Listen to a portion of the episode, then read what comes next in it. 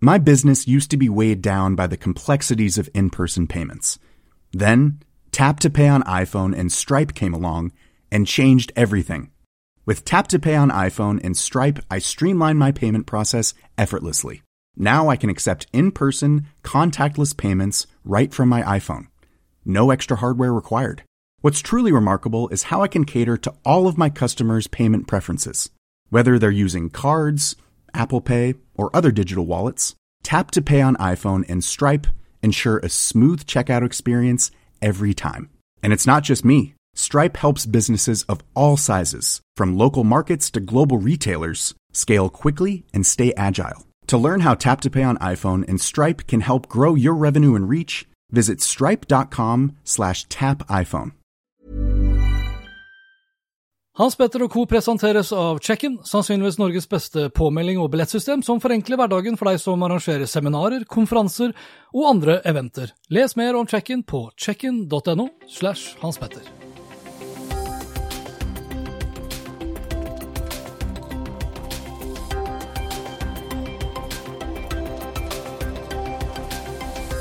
Hei og velkommen til Hans Petter og co. Jeg heter Hans Petter, og denne episoden ble spilt inn onsdag 14. oktober. Få selskaper er like mye omtalt, like mye elsket og like mye hatet, eller kanskje mislikt er et bedre ord, enn hva gjelder Facebook. Selv dokument.no nyter høyere tillit enn Facebook her i Norge, ifølge en fersk undersøkelse fra Medietilsynet. Og i løpet av høsten har mange av oss kanskje fått med seg The Social Dilemma på Netflix eller Agents of Chaos på HBO, som begge tar opp mange av skyggesidene til de amerikanske teknologi- og plattformgigantene. På den ene siden så har vi liten tillit til Facebook. På den andre siden så er vi fullstendig avhengig av Facebook og Instagram og WhatsApp. Noe som også bekreftes av Ipso, som viser at stort sett alle over 18 år her til lands har en Facebook-konto. Og snakker vi om Instagram, som akkurat fylte ti år, så er det heller ikke mye som peker i retning av at verken voksne eller unge har planer om å forlate plattformen med det første. Og annonsørene, eller kundene til Facebook, de ser heller ikke ut til å tenke på å forlate plattformen, og det til tross for Stop Hate for Profit-kampanjer, trusler om reguleringer, antitrust-saker i Kongressen, osv., osv., osv. Facebook går derimot fortsatt så det griner. Paradoksalt nok, vil kanskje enkelte hevde. Andre vil kanskje mene at det skyldes dobbeltmoralske annonsører, og andre igjen vil si at det bekrefter hvor stor makt Facebook har fått, og hvor avhengig vi som brukere har blitt av plattformen. For snart ett år siden møtte jeg Facebook-sjefen i Norge, Rune Paulseth, og da på Facebook sine kontorer i Oslo for å snakke om blant annet nettopp det her. Om tillit, om økonomi, brukere, annonsører, og også da om veien videre.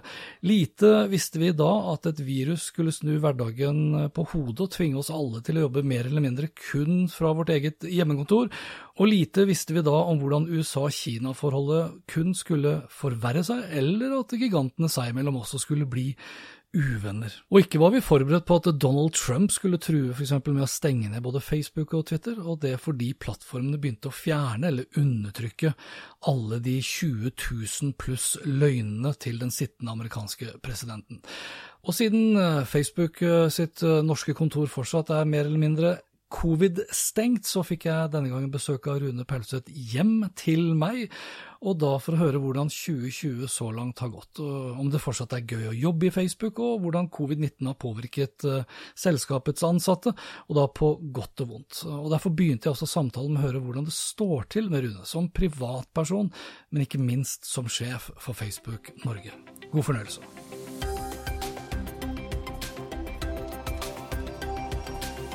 Vet du hva, jeg, jeg, har det bra både privat og som sjef for Facebook. Okay. Det har jeg altså.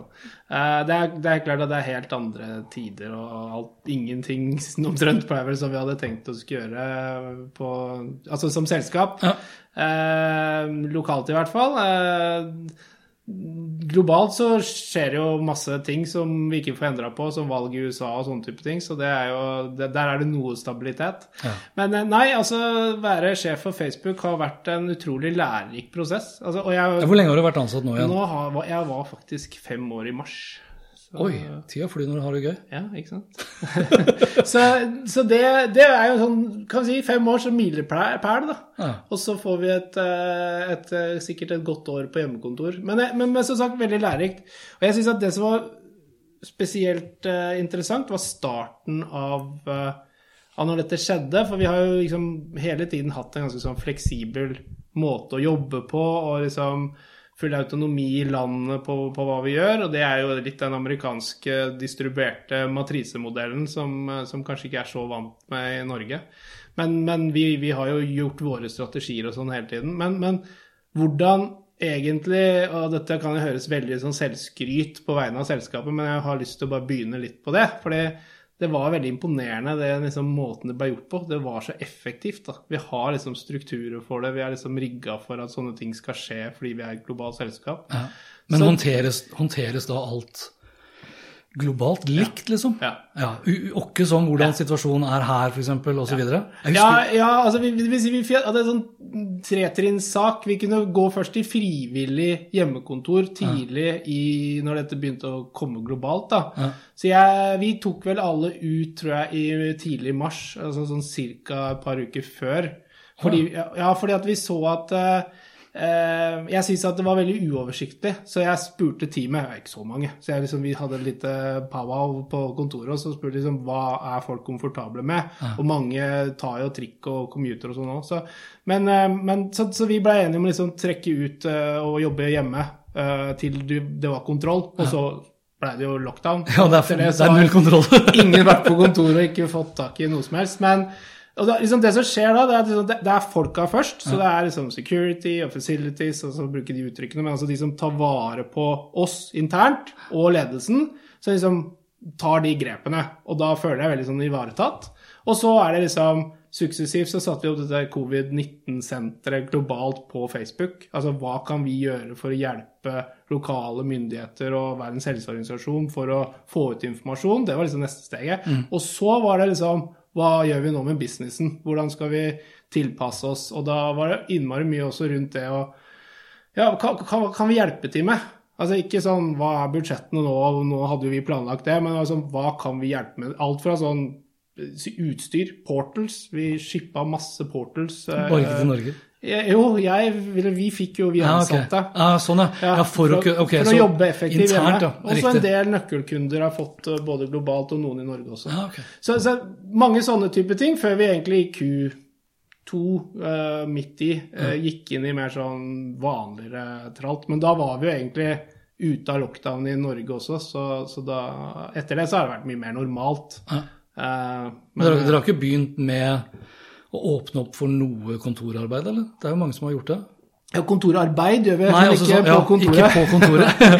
så det er helt, der står det bare og betaler eh, for leie Ja, det har ikke jeg noe innsikt i, det økonomiske aspektet rundt det. Men, eh, men, eh, jeg regner med at vi står i våre forpliktelser. Men ja, nei, det er ikke noe, og det er ikke noe planlagt sånn i utgangspunktet. Men vi har hele tiden sagt at vi skulle være først ut, og vi skal være sist inn. Og, og, og blant annet dette med med, ja, med, offentlig transport og sånn. Vi skal ikke være noe belastning på det systemene rundt der. Og, og, vi har også veldig veldig høye krav på smittevern internt, så vi hadde ikke vært mange på kontoret heller om vi skulle fått til det. Så ren sånn logistisk nå, og rent sånn praktisk, hvor folk har begynt å venne seg til det. Og vi har jo også fått mye hjelp av selskapet til å kunne i hvert fall ordne oss så vi sitter bra hjemme og masse programmer rundt mental helse og den biten som har vært viktig. Okay. Så altså, vi er, og jeg har spurt og vi har gjort undersøkelser på det, folk føler seg veldig ivaretatt. Og jeg tror også at eh, og, og feedbacken også på covid-senter-biten vi gjorde til brukere og ja, med myndigheter rundt forbi har vært kjempepositiv. Så jeg, jeg syns vi håndterte den krisa her eh, maksimalt bra, faktisk. Ja, Sånn på vegne av de ansatte? Ja, Ja, på vegne av ansatte, og egentlig sånn som vi har brukt Facebook også. Prøvd ja. å gjøre den til et senter hvor vi kan drive ja, Noen steder er det åpent for smitte, smittesporing også, f.eks. sammen med Apple, sånn som de har gjort også. Så, ja. så det er masse initiativer. Og ikke minst disse eh, tilskuddene vi har gjort til små og mellomstore bedrifter. Det er 100 millioner dollar vi har gjort på den biten, eh, og andre initiativer. Så jeg, jeg syns vi har Har ikke fått så mye pressedekning for det? Nei, vi, vi, har hatt åpning Vet du hva, vi hadde veldig få søknader uh, i Norge. Uh, vi posta flere ganger og kjørte annonser på det. Men jeg tror også at for Norges del så er vi jo ganske godt beskytta. Altså, Ja. Med all respekt for alle de som, som sliter nå, og det, det, det skjønner jeg, men, men uh, til, på mange måter så er det jo mange, har vært mange pakker, da, også for, fra staten. Eh, og det er kanskje ikke de vi la ut heller, som kanskje passa alle typer bedrifter. Men, eh, men ja, summa sum så syns jeg det har fungert bra. Så ja takk for at du spør. Jeg har det fint. Altså For meg så har det ikke vært så veldig Den største forskjellen for min del har jo vært at kona har jobbet mer hjemme. Mm. Altså Jeg har jo hatt hjemmekontor siden 2014. Ja, men, men det også merker jeg jo sånn på det personlige plan, at jeg har hatt mye mer liksom, kontakt altså i lockdown og sånn eh, med, med barna og familien. Og en stund så nå benytta vi anledningen til å flytte også, som mange har gjort. Det er jo sånn helt merkelig vi mennesker når det skjer et eller annet, så da må vi liksom vi flytter på oss eller begynner å pusse opp, eller det er sånn redebygging. Norge Eh, pusser opp. Ja, ja, nei, men sånn redebygging, og det, det syns jeg jo har vært Og, og masse si, rutiner og, og måter å jobbe på som jeg syns har blitt mye mer positivt. Det er mye mer Jeg føler meg mindre stressa på, på en del ting fordi man må jobbe mer Jeg må jobbe litt mer, mer effektivt, da. Ja. Altså calls eller videosamtaler, da, det er ikke det, det er jo relasjonsbygging, og vi prøver å snakke, men bare formatet gjør jo at du, du må liksom komme til poenget. Ja. Det, det er ikke like enkelt å la det dra ut i lang, langdrag, kanskje. Så, så jeg syns jo det er en del ting vi har lært av det. Så det er spennende at vi tar det med oss, da. Når vi skal tilbake igjen. Ja, for du, du har jo lyst til å komme tilbake? Har ja, ja, ja. Altså, og, og det syns jeg er sånn Det må jo sies at fleste av oss, i hvert fall i vår avdeling, jeg tror også globalt sett i den der, skal vi si, salgs- og markedsavdelingen, globale salgs- og markedsavdelingen vi tilhører, da, vi som er på de lokale kontorene, vi er jo ansatt for å være ute og møte folk og møte presse og, og være Vi er jo ansatt som utadvendte mennesker. Så sant, vi jobber jo litt med, med det formatet. Så jeg tror aldri at det er noen som sitter og tenker at dette har vært fint hvis det blir for evig og alltid. Jeg tror ikke vi er skrudd sammen sånn i vår, vår del av, av, businessen. Da. Men Nei. så kan du si, på tech-siden har vi bestemt at mange kan sitte hjemme permanent, som flere andre tech-selskaper har gjort. Og det syns jeg jo er bra, fordi nå får man jo muligheten, f.eks. i USA. da, så kan du jo faktisk sitte veldig remote et annet sted, men jobbe for det selskapet. Du må ikke belaste f.eks. San Francisco eller, eller Bay Area enda mer ved å, å jobbe på Facebook. Nå kan du jo faktisk jobbe et helt annet sted permanent. da. Og, og lagt opp til det. Så jeg, ja, det, jeg tror all endring har noe med seg, for å si det sånn. Vi får håpe på, på at endringene mest av alt da, er positive. Eh, og speaking of endringer altså, vi, Da vi snakket sammen sist, og for så vidt de siste årene, så har jeg liksom En del av narrativen i enkelte medier har jo vært at eh, dere begynner å bli liksom for gamlinger. Så så jeg her nå på Ipsos sine kvartalsvise eh, hva heter det, de her Zoom-trackeren, som egentlig begynner å bli litt sånn småkjedelig, for det er egentlig ganske små endringer. Men hvis vi skal tro de tallene, så har jo da eh, Facebook aldri hatt så mange brukere i Norge som dere har nå. 3 3,574. Altså ja, 3,6 millioner brukere omtrent. da. Eh, Instagram 200 og- nei, 2,6 millioner, og stadig flere tar også i bruk WhatsApp. WhatsApp. Og altså, er det jo greit å ta med. Facebook Messenger har flere daglige brukere enn Snapchat. Det visste du selvfølgelig. så det er... Ja, vet du hva, vet du, det, vi har ikke nødvendigvis alltid så granulerte tall som Det er derfor jeg syns egentlig den eh, Og det her er bare de over 18 SoMe-trackeren år. Ja. Ja, og Og så er SoMe-trackeren bra, for den er jo altså den er tredjeparts. Ja, ja, ikke sant, så kommer det ikke fra dere selv. Eh, og så har du da Så, så det går jo bra med eh, sjappa, sånn brukermessig. Eh, og så hadde dere nå Instagram, som fyll, nylig fylte ti år. Eh, hvordan feira du det på noe sett og vis, eller? Ja, altså, vi feirer Hver dag er en fest. Eh, vi, altså, vi gjorde ikke noe lokalt, det gjorde vi ikke, men vi, vi markerte det internt. Vi uh, var vel på en av dagene hvor vi hadde en sånn Company Allhands, og også at um, han som leder Instagram, eh, Adam Mossery, han hadde en sånn uh, Allhands og spørsmål og svar-runde. Så, og, og vi dekorerte med alle posta sine første Instagram-bilder og sånn, så vi markerte dagen. Så, men, Husker jeg, du hva første posten din var da? På Instagram? Jeg vet hva, jeg burde Jeg tror det er faktisk det profilbildet som jeg fremdeles har. Det er at jeg har tredd eh, en lue på Sinnataggen. That's it? Ja. Ok. Og så ikke noe bra caption i det hele tatt, eller? Nei, dette må jo være veldig lenge siden, så nei, jeg bare husker at det er det ja. bildet jeg har brukt. Jeg var jo på Nyhetskanalen for å prate litt om, eh, om de ti årene som har gått, da. Uh, og da fant jeg fram mitt bilde, og det var sånn her Jeg tok bilde av en reklameplakat på Videonova. Ja sånn tre for én, og jeg tror du kunne ha den i fire uker eller noe sånt, ja. de tre filmene. Og da skrev jeg liksom et sikkert tegn på at videofilmene går konk, eller strømmetjeneste tar et eller annet sånt. Ja. Men jeg, jeg, jeg, reagerte jo litt på, på det nyhetsinnslaget, for det var jo veldig opptatt av å kanskje ta fram da liksom det verste, da. Som er en sånn lei tendens av og til. Eh, det jeg, det jeg liksom tenker på, det altså, hvordan hadde Instagram sett ut i dag hvis ikke Facebook hadde kjøpt opp Instagram. La oss si at Twitter hadde kjøpt opp. da. Det kunne like godt ha endt opp som Wine og diverse andre tjenester. Det hadde jo ikke klart seg aleine, tror jeg. Det, det har jeg ikke tenkt på engang. For det har vært en sånn del av familien så lenge at jeg blir jo sånn at jeg tenker ikke helt på uh, if, but if. Nei, for det var, jo, det var jo sjokk, det var jo sjokk ja. i bransjen da dere bladde opp liksom en milliard dollar for det. 50 mm. ansatte eller noe, tror jeg. Null kroner i omsetning. Forholdsvis ungt selskap. Eh, med ganske så uklar forretningsmodell også. Mm. Og nå er det relativt innbringende, vil jeg tro, for, for selskapet.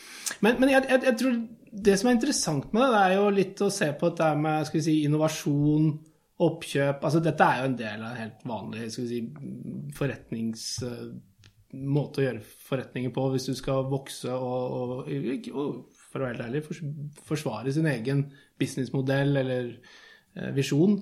Eh, så det var nok en av de viktigste tingene den gangen, som sikkert også har kommet opp etterpå. at liksom, vi, vi, det, dette, dette, griper jo veldig inn og passer veldig godt sammen. Mm. Uh, og dermed så blir det jo en god match. Da, du, da, da kjenner du at du, du, du, kan bruke det og gjøre noe med det. Ja. Og det tror jeg også er sånn som vi Eh, har utviklet de andre produktene etterpå. Så det er jo ikke for å utvikle produkter, men for å påse, som du var inne på i stad, med dette f.eks.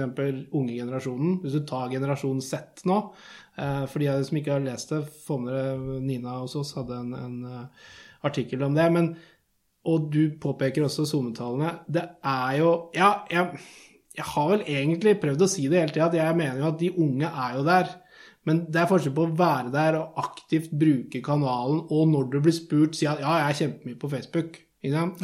Og, og, så er det jo, eh, hvis du ser på en 13-åring som får Facebook, det er ikke det som er det mest spennende. Altså, de er veldig glad for og gleder seg til å få det, og så blir det vel en sånn nedtur, for det er egentlig litt som å få et avisabonnement til 13-årsdagen. Det var ikke så Jo, men skjønner du hva jeg mener? Det, det er en sånn milepæl.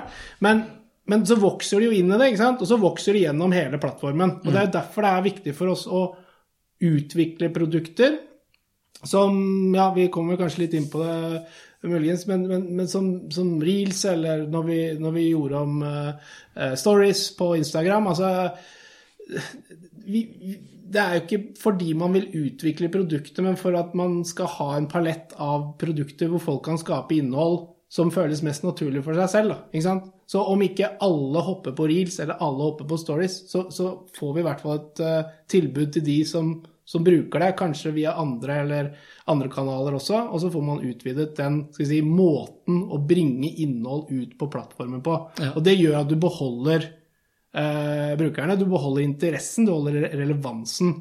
Og når du har en gratistjeneste, så har du ikke så veldig mye annet å spille på enn skal vi si, den evnen folk har til å komme tilbake til produktet ditt. Det vil si hvor gode algoritmene er til å få folk tilbake?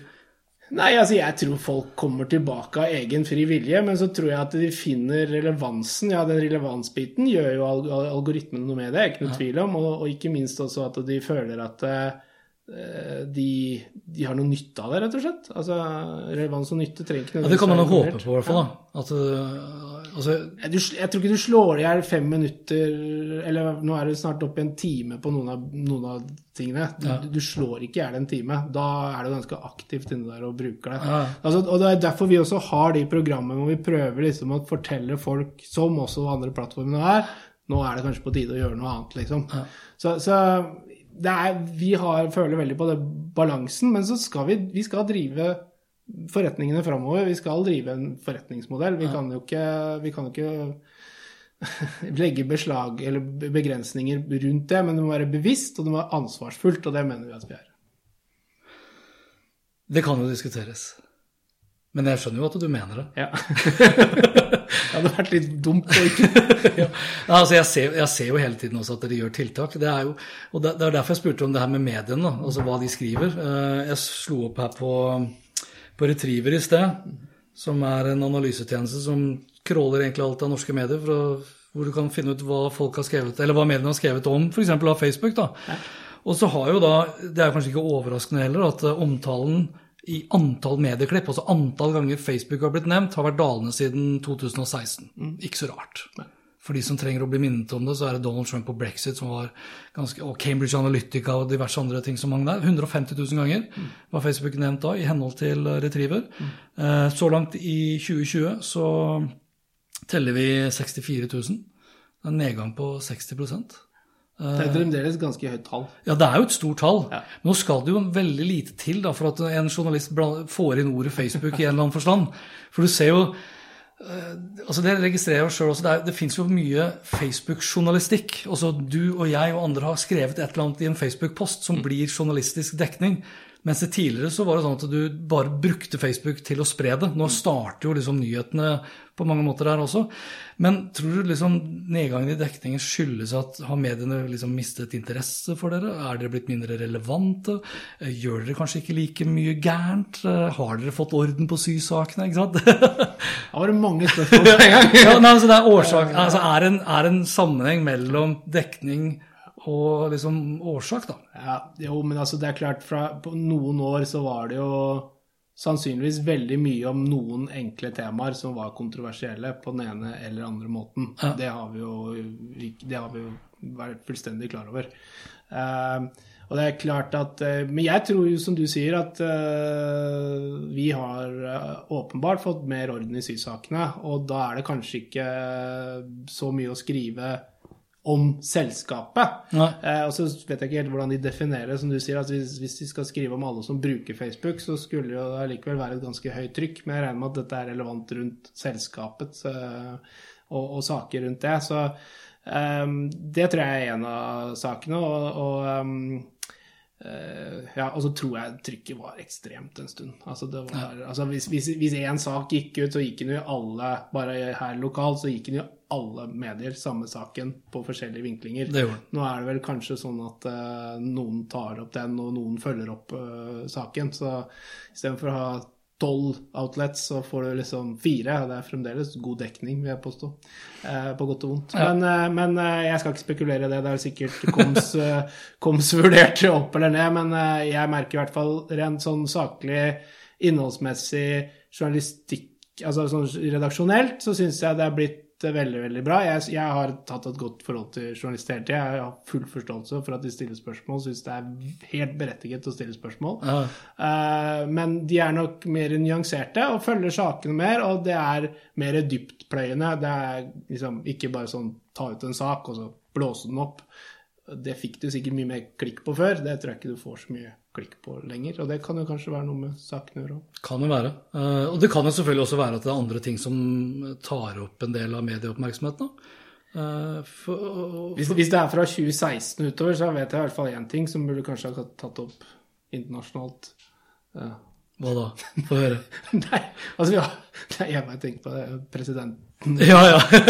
jo, men det, ja. har tatt over litt, kanskje. Ja, og det, er, og det, var bra du sa sånn sett. For uh, hvis vi snakker om presidenten, så kan vi jo for så vidt da liksom ta opp egentlig det som har opptatt flere og flere. Det er jo liksom hele konfliktbildet mellom eh, USA og Kina. Anført av Donald Trump, da, som har kjørt en ikke så diplomatisk tilnærming til det. Men den konflikten vokser jo seg bare større og større og blir mer og mer alvorlig. Og man ser jo også at Kina nå Det, det ser ut som det funker, for Kina har jo fallende tillit verden over. Eh, Facebook har jo for så vidt også forholdsvis lav tillit fortsatt. Selv om vi bruker det mer enn aldri før. Kanskje ikke like aktive sånn sett. Men, eh, men har dere sånn sett slått dere til ro med at eh, det er kanskje ikke så farlig å ha lav tillit? Altså VG, for eksempel, som er Norges største nettavis, har jo tillitsnivå på nivå med Altså tilliten er på nivå med dere. Mm. Samtidig så har de økonomisk sett så går, ser det ut som det går veldig bra. Er, er ikke sammenheng mellom lav tillit og dårlig økonomi? Det er ingen som har overlevd uh, jeg, som uh, bedrift eller politiker ved å ha lav tillit over tid. Nei. Altså, men det er bare liksom det er, det er, ingenting i vår verden som fungerer med lav tillit. Ok, Så det er noe som står da, på radaren? liksom? Ja, altså, Med mindre du da er totalitert på en eller annen Eller, ja. eller er mono, har monopol, liksom. Ja. Og monopoler har vel en tendens til å ha lav tillit. Men uh, det er ikke vårt tilfelle. Så det er klart at vi hadde heller ikke gjort de justeringene og hatt så mye fokus på å gjøre de riktige tingene. Kanskje mer enn vi ellers kanskje ville ha gjort, med mindre vi har opplevd disse skal vi si, type situasjonene hvor vi har fått uh, klare um, erfaringer på at vi er nødt til å ha den tilliten. Vi til, og vi er nødt til å bygge den mer enn noen andre. Mm. Um, så, men, men er, det, er, det, vanskelig, nå som vi da liksom er henvist til hjemmekontor, og dere kan ikke reise så mye ut som dere gjorde tidligere, og besøke alt fra journalister og bedrifter, er det vanskeligere da å jobbe liksom med tillitsrelaterte oppgaver? Nei, jeg, jeg syns jo ikke det i utgangspunktet, for uh, vi snakker jo vi, altså, vi, vi, snakker med folk selv om vi sitter hjemme. Ja. og Vi legger jo opp til det, og vi er tilgjengelige, så det, det, har jeg ikke noe Det skal ikke være noe utfordring på det. det og det er, sånn er det for alle, og jeg tror det er bevisstheten. Men, men jeg tror også det med tillit, så er det, det er en del ting vi, vi, vi bør bare fortsette å jobbe enda bedre. Jeg tror også det er det på opplevelsen av hvor viktig plattformen vår er for enkelte. ikke sant? Mm. Og hvis du da får misbrukt en, en, konto fordi du har vært litt slepphendt med et passord, eller ja, e-posten din Altså på en eller annen måte eh, mister tilgangen og driver butikken din der, så, og, og, vi ikke er responsive, så skjønner jeg at det skaper både frykt og sinne og irritasjon og liksom lav tillit, da. Ikke mm. sant? Mm. Kan jeg gjøre dette her igjen? Så, så her må vi klare å komme opp med bedre skalerbare systemer for f.eks. support. Det har vært en sånn greie jeg har vært litt på lenge. at jeg, Mer tilgjengelighet for folk som etter hvert uh, bruker oss mye og, og, har tillit til at vi skal ta vare på bildene deres, relasjonene deres, ja, dataene deres. Og, og der har vi blitt gode. Men så er det jo hvis det skjer et eller annet, og, og og det ligger jo hos oss, men du vil jo gjerne ha tilgangen tilbake igjen, og du vil vite hva som har skjedd, og, så videre. Og der tror jeg vi har en masse å gå på. Altså rett og slett den servicebiten som vi ja, Men hvor, hvor mange ansatte er det i Norge? Ja, men Det er ikke noe å snakke om Norge, for vi vil ikke support uansett. Du, men... du har 3,5 millioner brukere i Norge. Ja, Hvor mange ja. ansatte er i Norge? Det er jo ikke nok til å håndtere noen som da kanskje roter bort passordet sitt. Ja, men det ville aldri vært hos oss uansett, da. Ikke sant? Og det er jo hele modellen vår er sentralisert. Den er globalisert. Så, så, så det er, og det er jo sånn de store selskapene, til og med altså Telenor og andre, jobber også. Det, det sitter jo ikke én på Rena og én i Bergen og tar bergenstelefoner. Det er ikke så lenge siden det var sånn Nei, det funker. Eh, der, der tror jeg vi lærte litt fort at det var smart å prøve å sentralisere det. Så, så, så det er jo Men men det vil uansett ikke være mulig å skalere sånne type si, responskanaler manuelt. Og, er der, og samme snakker vi om altså innholdsredigering eller innholds... Når det er noe som skal uh, vurderes. Altså, vi er helt avhengig av at teknologien gjør dette med 2,7 milliarder mennesker på den plattformen. Ja, altså, det, altså, vi hører liksom Ja, men hvis bare de som er sånn eller sånn, eller verifiserte, eller altså vi kunne Tira Det, det skalerer ikke. Nei. Det er ikke sjans. Eh, så vi er nødt til å putte mer penger inn i den utviklingen. Men det fine er at det er open source. Så når vi knekker den koden, for det gjør vi, og vi blir bedre og bedre, så kan vi også tilby dette til andre som har skalerbare utfordringer med f.eks. å få enda tettere relasjoner. Mm. Så altså, respons, tilstedeværelse Jeg tror rent på sånn policy og kommunikasjon, og også for store kunder, så tror jeg, eh, for å skryte litt av det teamet mitt, eh, så tror jeg vi har tilliten er vokst veldig mm. siden de fem årene vi har vært der.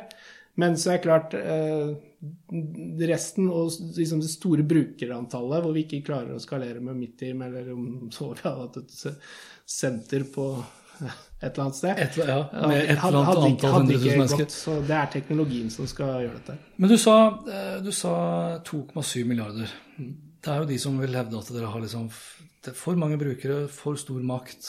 Eh, jeg kommer til da reguleringer. Mm. Mark har jo også Når jeg sier Mark Zuckerberg, ja. sjefen din, mm. han har jo snakket eh, ganske lenge om at Facebook ønsker å bli regulert. Mm. Hva, hva, tenker du om de nye reguleringene som kommer nå fra EU, f.eks. om persondata som ikke skal liksom, sklis eller overføres, deles med USA osv.? Jeg tror nå er jeg fullstendig på et område som ikke er mitt uh, gebet i denne selskapet, men jeg er sånn som bruker, da. Altså hvis jeg skal ta utgangspunkt som en bruker av data, for å ikke mene noe jeg ikke har uh, i og for seg full innsikt i, så er det, er det mulig å gjennomføre dette her? Sånn som verden er. Altså det, jeg, jeg, tenker Som regulatoriske myndigheter så er det vel greit å stille seg spørsmålet er dette praktisk gjennomførbart. Ja. Og jeg vil vel kanskje hevde at på det nivået vi er nå, med disse lovene, mm. som er til så, så, det er vel strengt tatt ikke I hvert fall sånn som jeg oppfatter det. Ikke gjennomf altså, det er ikke praktisk gjennomførbart. Og, det, og dette er jo ikke bare for oss, det er jo for alt, egentlig, som har med deling av data ja, ja, altså og det, bruk av systemer. Men her har du igjen liksom da mediene og det å hekte det på Facebook, så vet jeg at det får litt mer oppmerksomhet. Og overraskende nok så er det nesten ingen i Norge av norske medier som har skrevet om akkurat det her. Jeg tror det er litt sånn eh, at det er litt, Noen vil kanskje oppfatte det som litt søkt. Eh, kanskje litt for komplisert og komplekst eh, område å snakke om. Men, eh, men, det er jo også dere, Facebook sjøl har jo respondert på det her ved å si at liksom, worst case så trekker vi oss ut. Og det her gjelder jo ikke Facebook. Jeg har fått e-poster nå fra Sprout Social, som jeg bruker som en sånn overvåknings- og analysetjeneste, som da ikke åpenbart da, har servere fysisk i Europa. Så det kan jo bli en konsekvens. Kanadiske hubspot, apper osv. Jeg tror unntaket var, var e-post. Ja, okay. Etter hva jeg skjønte. Og så har du den andre som jeg nylig har skrevet litt også om, som heter da um, The Digital Services Act. Som da går på at dere igjen da, og andre kan bli tvunget til å dele data. Og ikke få lov til å sitte med det sjøl, men dele det da, som jeg skrev, litt sånn tabloid. Men det er jo rett. Plutselig så blir du tvunget til å dele det med Skipsted. Planning for your next trip? Elevate your travel style with Quince. Quince has all the jet setting essentials you'll want for your next getaway, like European linen, premium luggage options, buttery soft Italian leather bags, and so much more. And it's all priced at 50 to 80% less than similar brands. Plus, Quince only works with factories that use safe and ethical manufacturing practices. Pack your bags with high-quality essentials you'll be wearing for vacations to come with Quince. Go to quince.com slash trip for free shipping and 365-day returns. I'm Sandra, and I'm just the professional your small business was looking for. But you didn't hire me because you didn't use LinkedIn jobs. LinkedIn has professionals you can't find anywhere else, including those who aren't actively looking for a new job, but might be open to the perfect role, like me. In a given month, over 70% of LinkedIn users don't visit other leading job sites. So if you're not looking on LinkedIn, you'll miss out on great candidates like Sandra. Start hiring professionals like a professional. Post your free job on linkedin.com slash achieve today. Ja, og jeg tenker at uh, dette her er jo lange prosesser i, som inkluderer både liksom makrojuss ja. helt ned til liksom bedrifts- og næringslivsjuss. Uh, og altså, Man begynner et sted, og så kommer man på kompromisser, og så kommer man ned til en løsning. Jeg, jeg, tror vi finner en løsning på dette. Jeg tror alle er tjent med det. Og, mm. men, men, et sted må man jo begynne. Og jeg tenker jo også at nå har vi virkelig i hvert fall lagt lista på et nivå at vi er nødt til å snakke sammen. Men det også er jo sånn, ja. Og det er jo tegn på tillit, som vi prata om i stad, det òg. Altså, en ting er tilliten til Facebook, men det virker som det er Tillit er liksom den nye valutaen, som de sier. Og det virker som det er ganske tynnslitt tillit mellom USA og, eller mellom Europa og USA. Og så har du tilsvarende mellom USA og Kina, selvfølgelig, men Jo, men, men også er det jo, uten å skal liksom pårope meg sånn uh, stor spisskompetanse på verdenspolitikken, men, uh, men det, det, er jo mye retorikk oppi dette her, da. Jo, jo. Det er jo mye maktspill som skal ut uh, og basuneres ut og, og, snakkes om høyt, og, og hvem som har liksom sitter med det kortet. men verden har vel vist historisk sett at på et eller annet tidspunkt så er det fornuftige mennesker som setter seg rundt et bord og finner en løsning. Da. Så du må jo koke det, koke det ned. Og jeg, jeg, tror at vi Men tilbake til at det du sier at vi ønsker å bli regulert, er jo også fordi at det hjelper jo også altså det, alle reguleringer hjelper jo næring til å finne hva man skal drive med. ikke sant? For dette sliter jo strengt tatt på oss også. at vi, vi blir jo dratt veldig ut i en sånn skal vi si,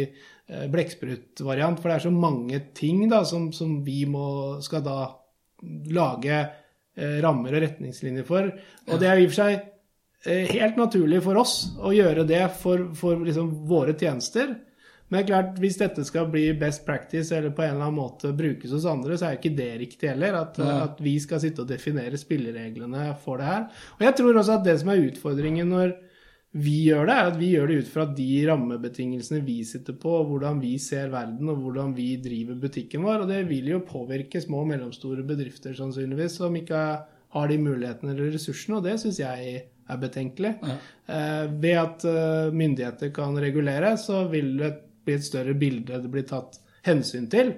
Eh, og så kanskje det vil da være forskjellige eh, si, vektinger for uh, ulike ting. At da som sagt kommer vi inn på områder det ikke er noe greie på. Men, men jeg har ikke, liksom, vi vil jo selvfølgelig gjøre ting som, som optimerer eh, det, eller basert på dataene og innsikten vi har, og som hva vi kan mene noe om ut ifra hva vi driver med.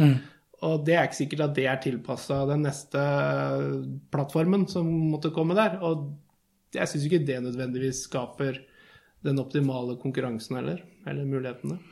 Og det er så mange, det er så mange altså Det er så mye som skjer nå som ikke har liksom det samme eh, gamle narrativen om hvordan dere håndterte data bra eller dårlig. Altså du har, du har disse EU-reguleringene som det legges opp til. Du har antitrust-sakene som pågår i USA mellom dere og Apple og Amazon osv.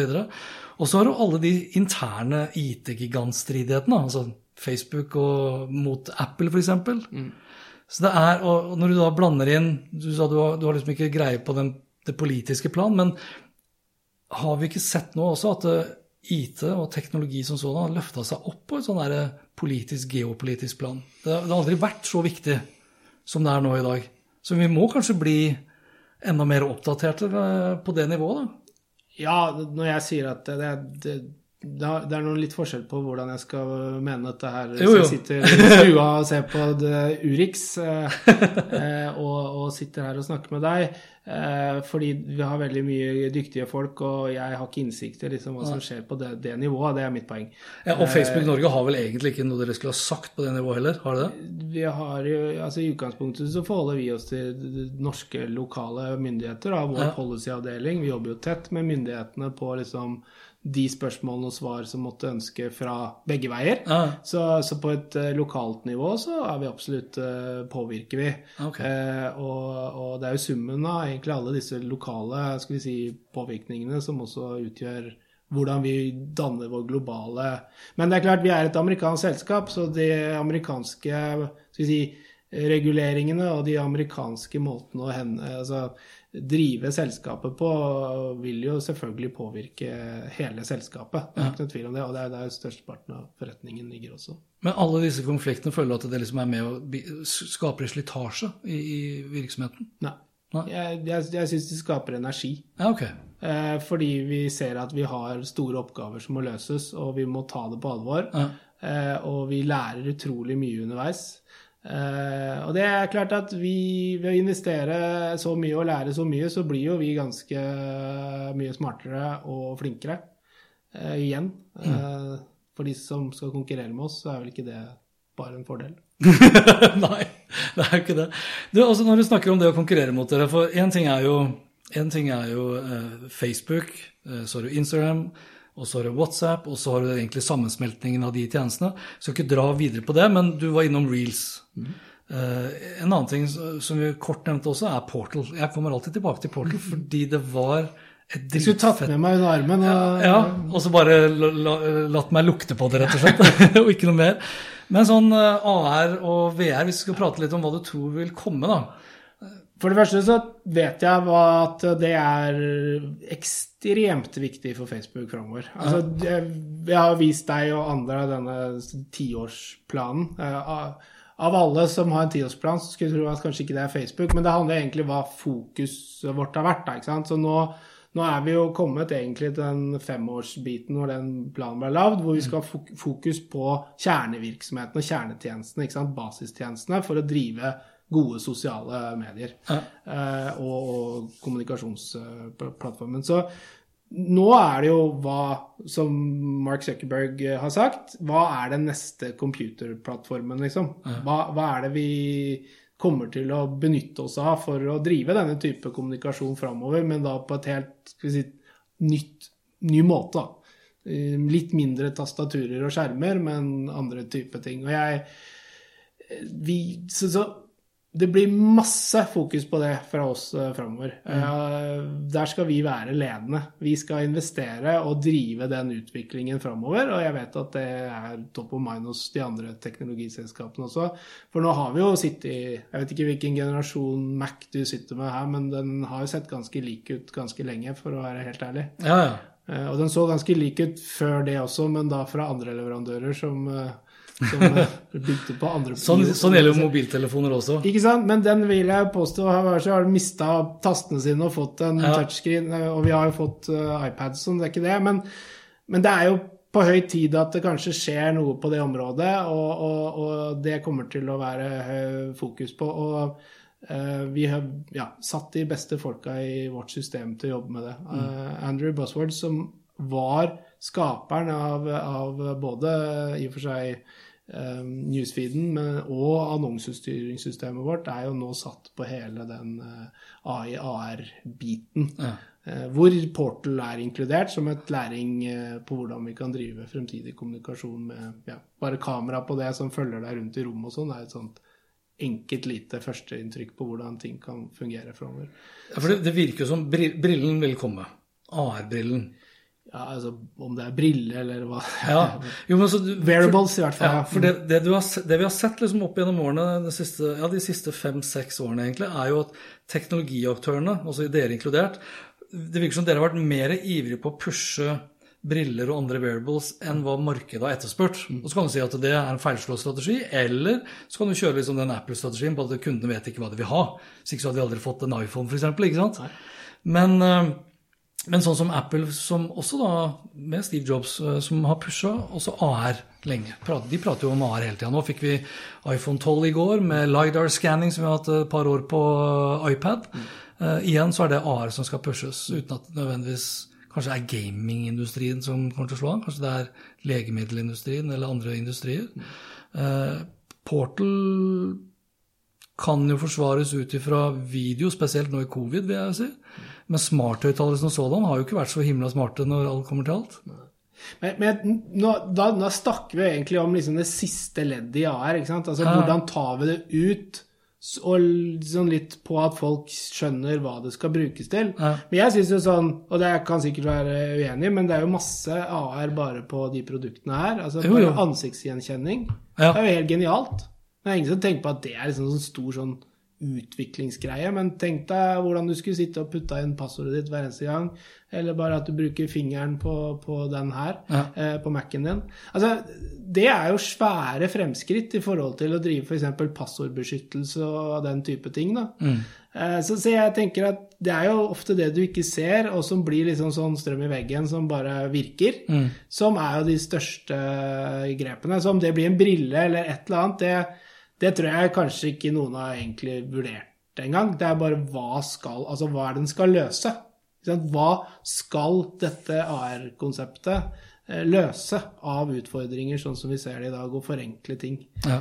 Eh, uten at det blir eh, for vanskelig eller for inngripende, eller at personvernet står i altså. Så du, ja, du må God gammeldags hypotesetesting, og hva er det det skal løse, og hvordan skal vi løse det, og hva er utfordringene? Jeg husker jeg, jeg leste et begrep som heter solutionism, hvor, eh, hvor man liksom egentlig tillegger en hypotese eller en påstand om at teknologi løser alt. Sant? For det veldig, Hvis du jobber i teknologibransjen, så er jo det veldig gunstig. Ja. Men ser du liksom på, hvis du ser på Oculus, da, oppimot f.eks. Instagram, så det er klart Oculus har, har jo hatt en mye større utfordring til å bli liksom den suksessen som man kan si at eh, Instagram-teamet har oppnådd. Ja, men igjen så tror jeg ikke Oculus-teamet måler seg på enten antall kjøpte enheter eller Ja, okay. markedsandel eller hva som helst. Det er, det er rett og slett hvordan brukes den, Ja. og hvordan blir den egentlig mottatt. Hva, hva er feedbacken når før setter den på? Gjør den vondt å ha på? Blir jeg kvalm, svimmel? Er det helt nydelig? Har jeg liksom Altså, det, det er den biten, og heller ikke hvor mange apper Altså, jeg tror det teamet jeg jobber ikke med, de jobber med dataene som kommer tilbake igjen på å se om er vi på vei riktig sted, Ja. på å løse et helt annet ting. Men det gjør vi med disse verktøyene, eller disse, dette hardwaret vi, vi kommer ut med, som skal i og for seg gi tilbake data og input og, og, og eh, beslutningsgrunnlag for hvordan vi utvikler produktene videre. Så endgamet er jo ikke Det er ikke i nødvendigvis hardware, men så er hardware morsomt, da. Jo, men altså, det er jo morsomt. Altså? Det, er jo, det er jo inspirerende å få lov å utvikle hardware, se om vi kan få eh, en målgruppe som vil kjøpe det, bruke det, elske det. Altså, som jeg jobba i Microsoft, da var vi jo midt i Xbox-alderen. Jeg gikk jo alltid rundt og sparka litt til dem som ikke brukte Xbox, men PlayStation. ikke sant? Altså, Var det det eller det?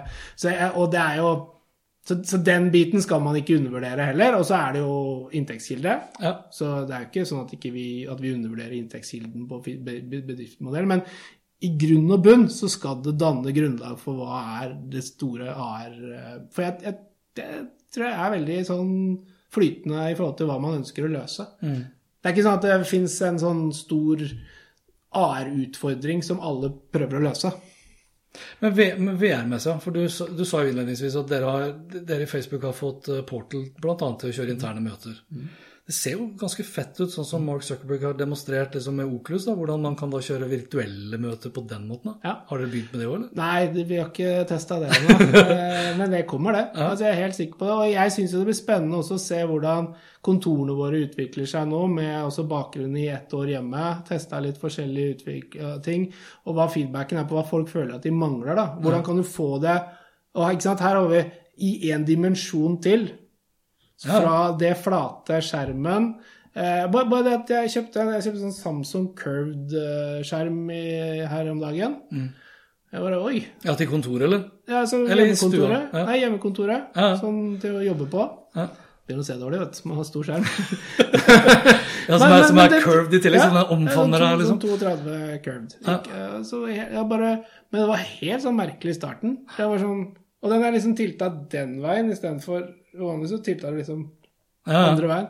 Så alt var litt sånn Jeg var nesten sånn litt sånn uvel i første timen, men så bare skjønte jeg hele poenget. Og sånn, igjen der er hva Hvordan kom de fram til den, at den skulle være som bua? da? Og Det er jo på alt mulig annet rart de har sikkert kjøpt. og hvor, og er, Samsung har vel også en sånn brettbar skjerm på mobilen. Så, så mitt poeng det er bare liksom, det, Jeg tror det endgamet er det egentlig ingen som helt jeg tror, ikke, det er noen som utvikler produkter for et endgame. De utvikler det for hele tiden klare å utfordre hvor hindringene er for i og for seg bruken. Da. Og den feedbacken som kommer. Jeg tror ikke det tok liksom bare 14 dager å skjønne hvordan du skulle bygge den bua skjermen heller. Nei, man kan jo håpe det, da. Og så er det jo sånn at man kan jo også kanskje da mistenke av og til at, eh, som jeg sa i stad, det her med solutionism, at man tenker teknologien bare løser alt. Eh, Så TV-produsentene, før de kom med Curved, så kom de jo med 3D-TV-en, ikke sant? som selvfølgelig da ikke ble en suksess. Fordi du ville ikke sitte inne sammen med familien med teite 3D-briller på, blant annet. Og det gjelder jo, det gjelder jo VR-briller eller AR-briller. Du kan ikke se ut som en glasshole. Hvis vi husker tilbake til det. Eh, Men du sa det her med endgame og hvordan vi, hvordan vi bruker ting. Jeg har bare lyst til å runde av litt. Jeg ser sjøl at jeg deler mindre på Facebook, og jeg deler også mindre på, på Instagram. Noen ganger fordi at jeg ikke orker å bruke tid på det.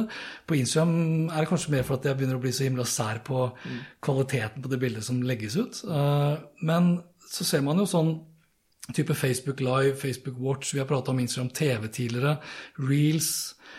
Er det, noen sånne, er det noen tegn, noen trender som peker seg ut i Norge, hvis vi kan se på Norge, da, på hva det er som upper og downer? Vi er ganske like globalt. Altså, okay. og vi, og vi, det, er, det er noe med adopsjon, og så er det sant, tidlig adopsjon, og så er det bruk, og så er det liksom Så går det over Altså livsfasen til et produkt, da? Ja. Hvordan du bruker det. Og når vi da også fòrer på med nye måter å eh, aggregere content eller innhold på, så vil vi selvfølgelig flytte oss. Så, så det at liksom Ja, men uh, newsfeeden kommer til å være død innen fem år. Ja, men hvis alt innholdet er flytta til stories, og det er det folk uh, vil ha, Ja. så, så lever jo vi godt med det. For Ja. det er det som er hele Vi må bare flytte oss etter det folk måten folk vil dele det på. Ja. Så vi kan opprettholde visjonen vår og liksom verdiene våre på hvorfor vi har bygd disse produktene, og nå Facebook med capital eh, letters. Altså hele familien av apper. Inkludert også alt det vi gjør på VR, AR og, og den biten. Så, så, så det igjen er jo bare egentlig du som forbruker som, som kan fortelle oss.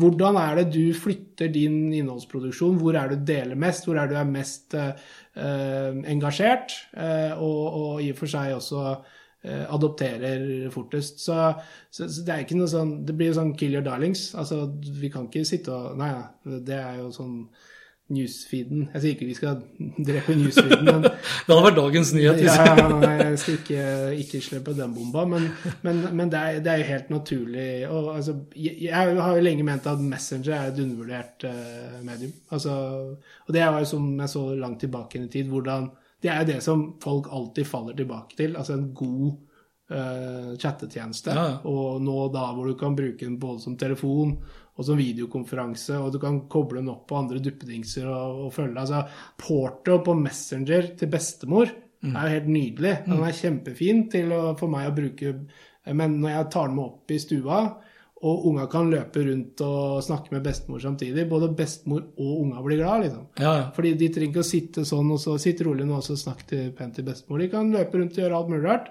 Og den, så, så Men jeg tror, jeg tror ikke Facebook i seg selv nå undervurderer meldingstjenester lenger. Nei, nei. Altså, og, sånn, ikke sant? De gjør jo ikke det. Nei, nei. Og vi har, vi har aldri undervurdert den, men jeg tror folk har undervurdert det som Ja. en sånn Det har alltid vært en del av en annen applikasjon.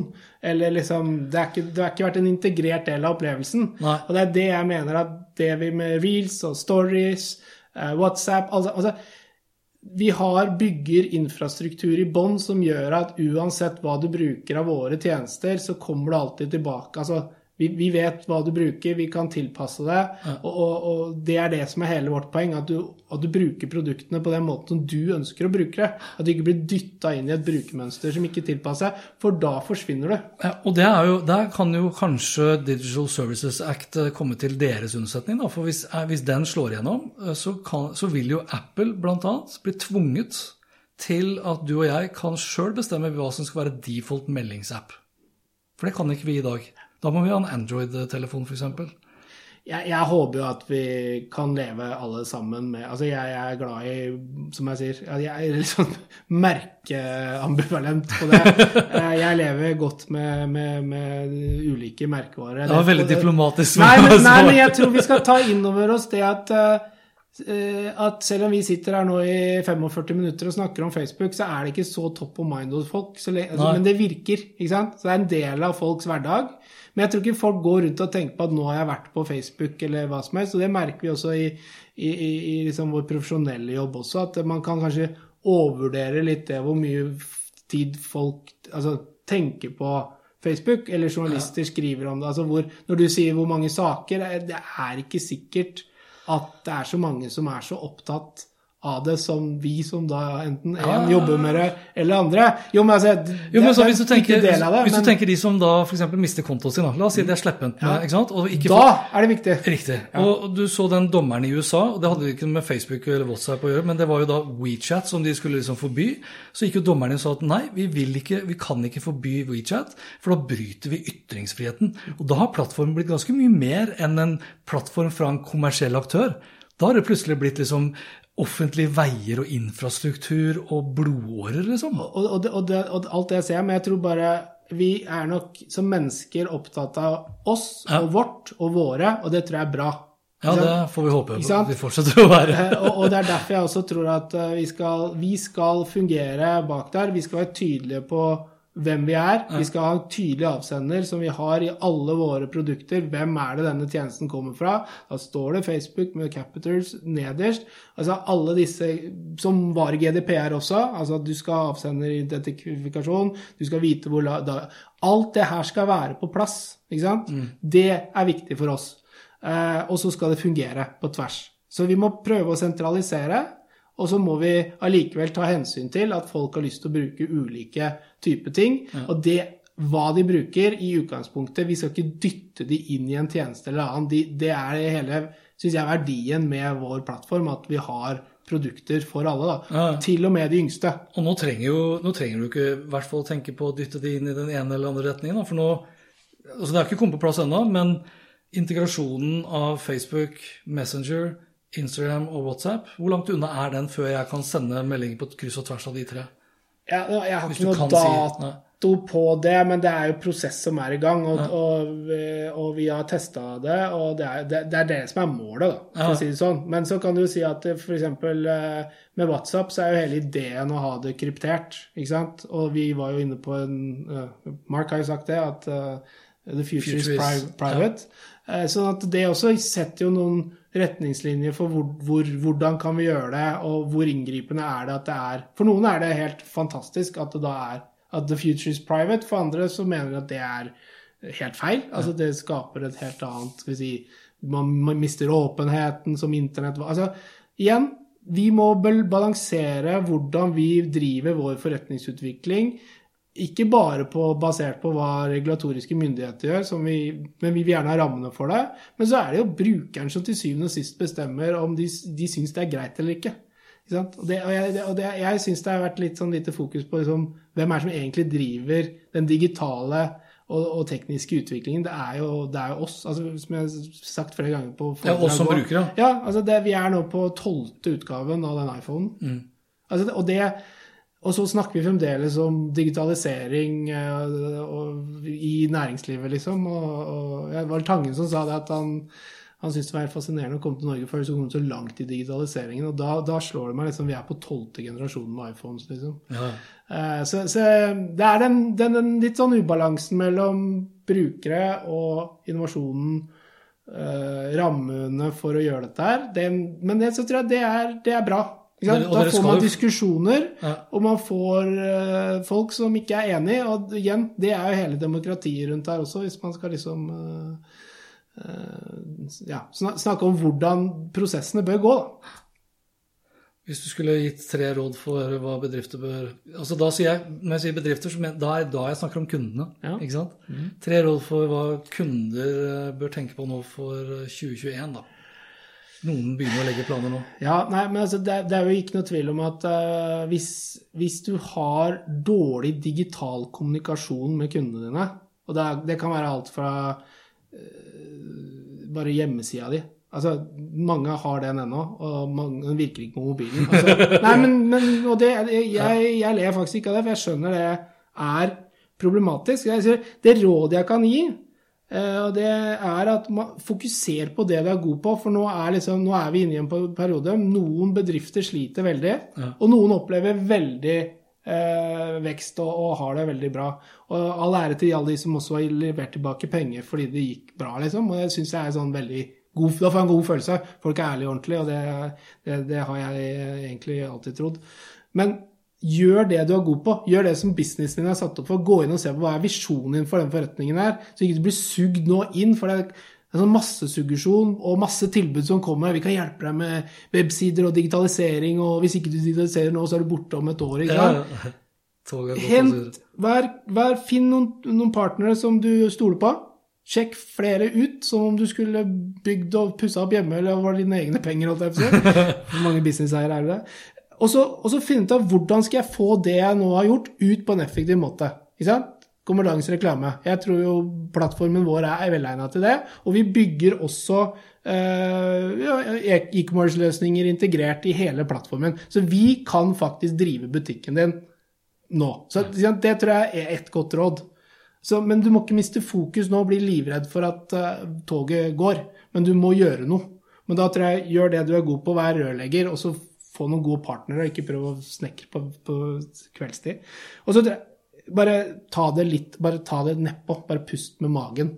Og liksom tenk på at eh, dette her har vi holdt på med i mange, mange år. Eh, jeg er ikke så innmari god på det. Søk opp det du har lyst til å drive med, altså markedsføringsmessig, da. Mm. Søk opp, bruk eh, internett, eh, bruk Facebook sine hjelpesider. Vi har masse videoer, vi har blueprint. Du kan lære deg noe istedenfor å sitte og se et eller annet på TV. Så kan du ta 20 minutter hver dag og se én sånn video. Eh, dere har jo også gått inn og sett på disse her. Eh, se på podkastene deres Hold deg oppdatert. Ja. Men, men, det må være som en hobby, ikke som en sånn greie på at du eh, skal begynne å være fulldigitalisert i morgen. For vi, vi, er helt avhengig av at vi har et, et, næringsliv som driver med masse ting. Altså Vi må ha varehandel, vi må ha noen som produserer varene, vi må ha frisører, vi må ha, ja, vi må ha håndverksbedrifter. Så, så det må bestå. Og da må vi legge til rette for å hjelpe de å nå ut til brukerne, for nå er brukerne på disse plattformene. Om det var to og en halv eller tre, det er jeg litt usikker på. Ja. men, men, men, jeg tror summa sum, da er det ikke få panikk. Det fins muligheter, og det fins eh, eh, råd og tips til å få dette til, og det er ikke så fryktelig vanskelig.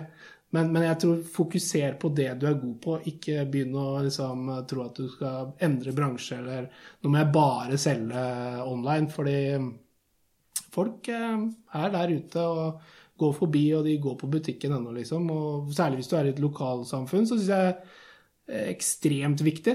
At vi klarer å opprettholde små lokalsamfunn rundt forbi. Det trenger ikke være mindre enn på Eiksmarka eller uh, her ute, hvor de også merker at det påvirker. Det var vel Østeråssenteret hvor jeg leste her om dagen i Akerposten eller noe, som har liksom flere tomme lokaler.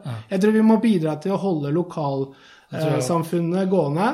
Og ikke bare sitte hjemme og bestille på internett. Tenk at det skulle komme fra altså, For jeg har jo vært veldig sånn herre eh, survival of the fittest. ikke sant? Jeg driter i det. Jeg handler fra Amazon eller fra AliEx. Altså, jeg kjenner jo på det sjøl. Ja. Og jeg så jeg kjørte forbi CC Vest her om dagen, og til og med der ja. altså Jeg sier til og med der, for det er en relativt god plassering med et ganske kjøpesterkt publikum. generelt, I hvert fall vært det tradisjonelt. Ja. Men selv der så sto det et svært skilt 'Støtt det lokale næringslivet'. Ja, men jeg tror det er ekstremt viktig. Og rørlegger og alle sammen. Og, og, spesialister. Spesialistforretninger. Små det er mulig det er litt dyrere, men du, du mister ikke mangfoldet. Og, er, og, disse små bedriftene i sum eh, holder Norge og verden i gang. Så support your local. Ja. Hans Petter og co. presenteres av Check-in, sannsynligvis Norges beste påmelding og billettsystem, som forenkler hverdagen for deg som arrangerer seminarer, konferanser og andre eventer. Les mer om Check-in på checkin.no slash Hans Petter.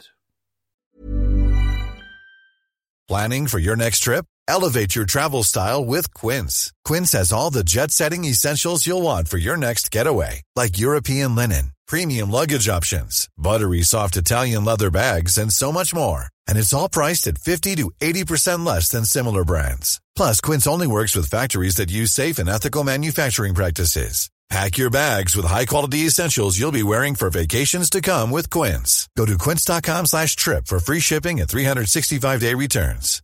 My business used to be weighed down by the complexities of in-person payments. Then, Tap to Pay on iPhone and Stripe came along and changed everything. With Tap to Pay on iPhone and Stripe, I streamlined my payment process effortlessly. Now I can accept in-person, contactless payments right from my iPhone. No extra hardware required. What's truly remarkable is how I can cater to all of my customers' payment preferences. Whether they're using cards, Apple Pay, or other digital wallets, Tap to Pay on iPhone and Stripe ensure a smooth checkout experience every time. And it's not just me. Stripe helps businesses of all sizes, from local markets to global retailers, scale quickly and stay agile. To learn how Tap to Pay on iPhone and Stripe can help grow your revenue and reach, Visit stripe.com slash tap iPhone.